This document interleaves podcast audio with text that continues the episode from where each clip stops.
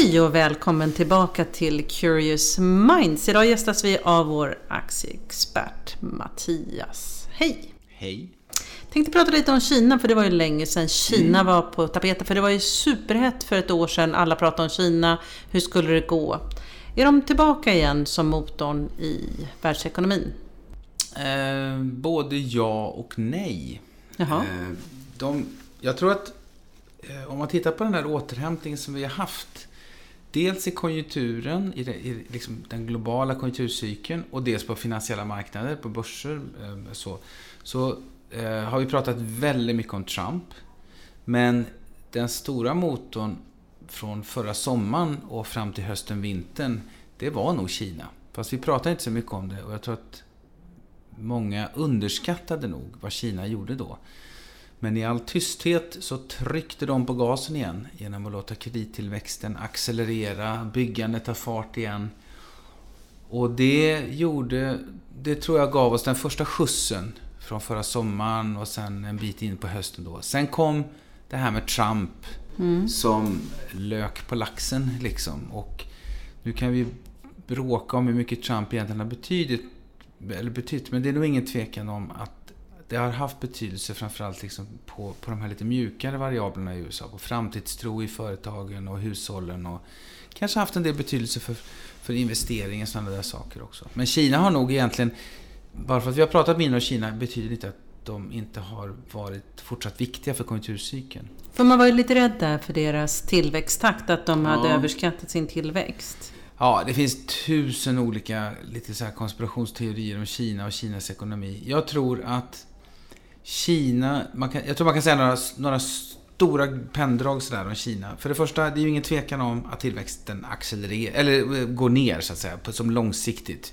Vi kommer så här från 10 eller 12 och sen så blir vi vana vid 8. Nu är vi vana vid 6,5 vilket är deras officiella mål. Eh, och eh, några noggranna lyssnare kanske kommer ihåg att de växte med 6,9% i första kvartalet.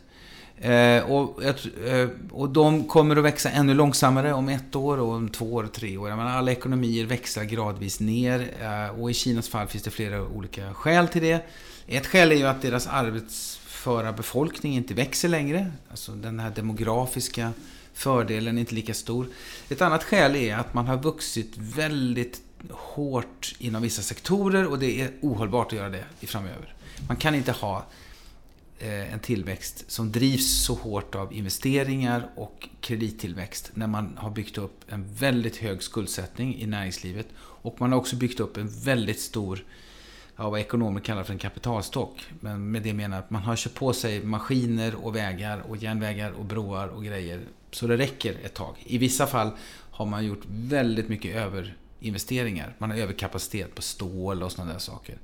Så det är en tillnyktring som pågår, alla vet om det. Och det är ett problem som ligger och mullrar. Och det vet alla om också. Och det är de här... Det, det har varit för mycket kredittillväxt. Det finns så mycket skulder i den kinesiska ekonomin, framförallt i det privata näringslivet, eller i sådana halvprivat, halvstatliga bolag. Som vi inte riktigt vet hur det ska spela ut liksom. Det, och det, det, kommer inte, det har inte ställts på sin spets ännu. Och det kommer inte ställas på sin spets på ett bra tag till. Eh, det var ett långt svar på din fråga. Men vad jag tror, i den miljön av en tillväxt som liksom gradvis faller ner sig där, så håller Kina på, eller Kinas policymakers håller på med liksom en balansgång. Det är liksom gas, broms, gas, broms, gas, broms. Man vet att man måste bromsa kredittillväxt. Så bromsar man. Så bromsar tillväxten in och sen när man då känner att det bromsar in lite för hårt, då trycker man på gasen igen. Men de har ju också lanserat det här Sidenvägen. Det är också mm. ett infrastrukturprojekt ja. bland annat. Ja, det är det. Ja. Och, det är, och det är en gammal idé. Eh, eh, och sen så har den gradvis liksom... Kan du berätta lite om vad det egentligen är för någonting? Ja, det är ju eh, baserat på lite grann... Eh, namnet kommer ju av en... Det är ju ett historiskt namn på en hand, klassisk, liksom, några klassiska handelsrutter som förband Kina med omvärlden. Och så vill man liksom väcka det till liv då, eller det är väl ett catchy name sådär liksom, så man vill väcka samma grej till liv. Men i, i, i princip handlar det om att etablera rutter för Kina och Kinas handelsvägar med omvärlden. Eh, ja, och det, och det, finns ju då en ekonomisk dimension utav det och sen finns det ju en säkerhetspolitisk dimension utav det och jag tror folk lite grann, beroende på vem man pratar med, fäster olika tyngd på, på den där. Det är ju så här också med Kina och deras stora investeringar. Att eh, de, de har, som, det var som vi pratade om, de har gjort enorma investeringar eh, och lagt enorma med kapital på att bygga infrastruktur till exempel. Men det är också så om man tittar på det, det enklaste sättet att se att det här inte alltid är bra investeringar eller produktiva investeringar. Det är bara att konstatera att för varje liksom procent ytterligare av kredittillväxt så har, ut, har, har utväxlingen på BNP-tillväxten blivit allt mindre. Mm. Och vid någon punkt så kommer det inte ge någon BNP-tillväxt alls. Och det är ett tecken på att produktiviteten i de där investeringarna är liksom fallande. Och det är enkelt att förstå. Den första bron man bygger blir väl fantastisk. Men den 84 bron man bygger kanske inte är lika nödvändig och kanske inte lyfter tillväxten på samma sätt. För att inte tala om det 84 stålverket då man bygger. Men om man då ser på den här sidenvägen, för många ja. pratar ju om att Kina befäster sin roll som producent och exportör. Och att Europa och USA bland annat blir de stora förlorarna i det här. Att liksom ja, det bygger ju på, det är lite, lite trumpianskt resonemang att, att eh, vi förlorar på handel och det gör vi ju inte. Utan eh, världsekonomin har ju vunnit. Alla har ju vunnit på att Kina har kommit in i världsekonomin. Eh, man kan ju säga att Kinas inträde, framförallt när de kom med i WTO 2001 var väl det. Det var ju en, en ja, vad ska jag kalla för, en positiv utbudschock plötsligt fanns liksom enorm, en enorm produktionsapparat tillgänglig som gjorde att vi kunde producera grejer mycket, mycket billigare. iPhones och DVD-spelare och bilar och allt mellan himmel och jord. Sen har det ju i kölvattnet av det kommit en politisk reaktion för att ekonomier har varit olika bra eller dåliga på att ta hand om konsekvenserna av det. Till exempel arbetslösa människor i väst då. Men och jag vet det låter lite arrogant eller nonchalant att säga det, men som aggregat så har vi ju alla tjänat på att Kina kommit in. Och, och, och, och gör man handel ännu lättare så kommer det inte troligen vara någon nackdel. Däremot så kan man ju konstatera att Kinas, den här boomen av att Kina exporterar billiga producerade varor, den har redan pikat lite grann. Nu, det, det, nu det, det kommer att vara en annan struktur och en annan karaktär på Kinas export och import också. För Trump har ju egentligen gått på val att vara extra hård mot Kina. Mm. Eh, och inte för så länge sedan så hade de ju ett toppmöte. Har det liksom förändrats lite där, tonen? Ja, det tror jag nog att det gör. Han har nog valt ut några så här eh, enkla case. Han är ju väldigt liksom demag demagogisk. Sådär. Och, eh, och han har ju valt ut Kina naturligtvis. Han har ju valt Tyskland, Mexiko. Det är ju hans tre kandidater, som, de, de som han ska spöa, liksom, eller göra enkla, billiga poäng på. Han, han är ju, och det är ju en jättediskussion, men det är klart, han och många andra populister har ju gått till val på, på missnöjet som, som, som jäser då i kölvattnet på, på den här utbudschocken som jag pratade om. Alla de här människorna som har blivit arbetslösa. Och där, det kanske också är de som är basen i hans väljare. Ja, absolut. absolut. Och de som, de som liksom vi, eller som samhället, eller hur ska jag definiera det, inte, inte har klarat av att ta hand om. Antingen genom att omskola eller ge tillräckligt med stöd. Eller, ja, det, finns, det är ju en jättediskussion bara det. Eh, men har det hänt någonting? Ja, det har väl hänt så tillvida att nu är ju Trump president. Och när vi har pratat här om Trump mm. förut, då har vi ju liksom, då, har ju, då sa jag att jag trodde att det som var bra skulle komma före det som var dåligt. Och bland det dåliga så pratar vi ju om hans protektionism och de där sakerna. Nu har det inte hänt så mycket av det bra, och det är ju ett skäl till att vi är lite mer försiktiga till börsen. Men det har inte hänt så mycket av det dåliga heller.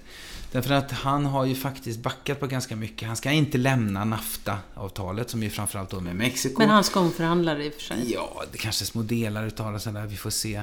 Han har haft ett möte med Kina. Eh, det vanligaste argumentet mot Kina det är ju att de manipulerar sin valuta. Det finns ju till och med en formell process i USA att man utmålar ett land som currency manipulator. Och det sa han, det är ju självklart att Kina är. Fast det har han inte gjort. För det första för att det inte finns något case att göra. Och för det andra för att han nog har så att säga, nyktra till lite grann av, av, i, i, sitt möte med verkligheten.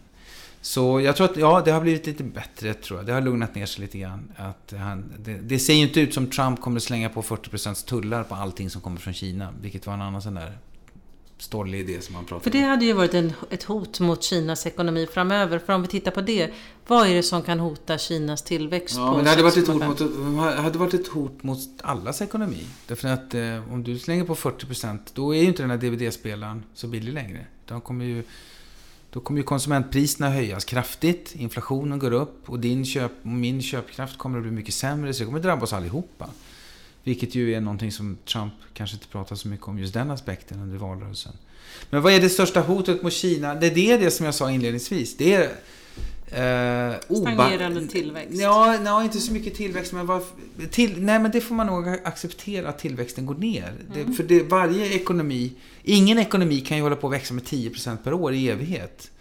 Utan man, det lugnar ju ner sig ju större och rikare man blir.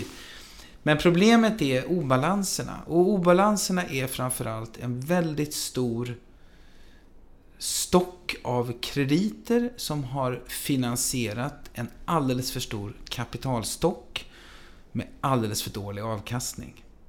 Och Till det- exempel då, förlåt mig, men till exempel ett stålverk som står där och spottar ur sig stål som ingen vill köpa eller någonting sånt där. Men om vi tittar på möjligheterna, vad har Kina för möjligheter? Är det sidenvägen som är den gyllene vägen framåt? Ja, det är såklart absolut att de fortsätter att gynnas utav att vara med i världshandeln. Men som jag sa, på ett lite annorlunda sätt.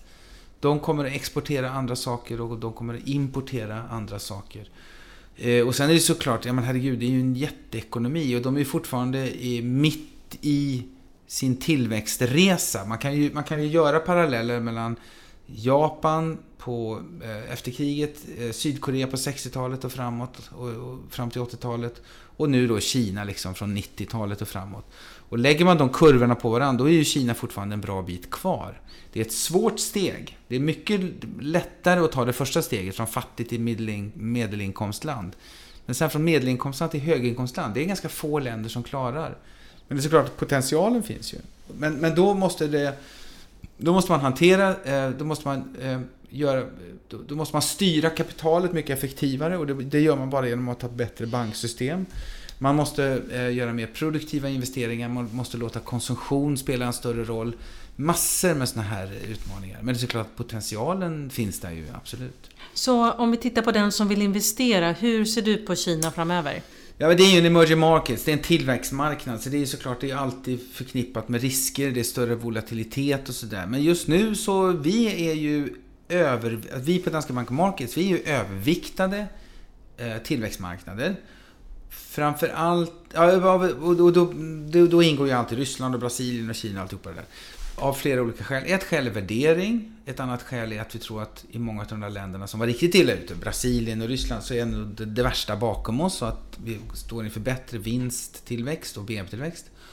Eh, och sen så också, ska man inte glömma bort, att när nu Trump har tappat lite momentum, får inte igenom sina grejer, så kommer troligen inte dollarn stärkas lika mycket heller. Och en, en, en, en, en dollar som går sidledes eller svagare, det gynnar tillväxtmarknaderna. Inte minst i Kina, där många har sina skulder i dollar. Så den här skuldproblematiken som jag pratade om, den blir ju den blir värre om, om, Dollarn är om stark. dollarn är stark. Så en sidledes eller svagare dollar som vi tror närmaste tiden är också gynnsamt. Och sen Kina, lågt värderat. Och just nu faktiskt då, i de här små, små rörelserna som jag pratade om. Man tryckte på gasen, sen tryckte man på bromsen och nu har vi, det har vi sett de senaste månaderna att, att det har mattats lite grann i Kina. Men nu är man nog på väg att trycka lite på gasen igen. Så de närmaste månaderna och så, så ser det bra ut. Så för investerare som är intresserade av Kina så ser det ganska ljust ut? Ja, det tycker jag. Och nu, det här får man ta i små steg, men de närmaste månaderna, ja. Mm.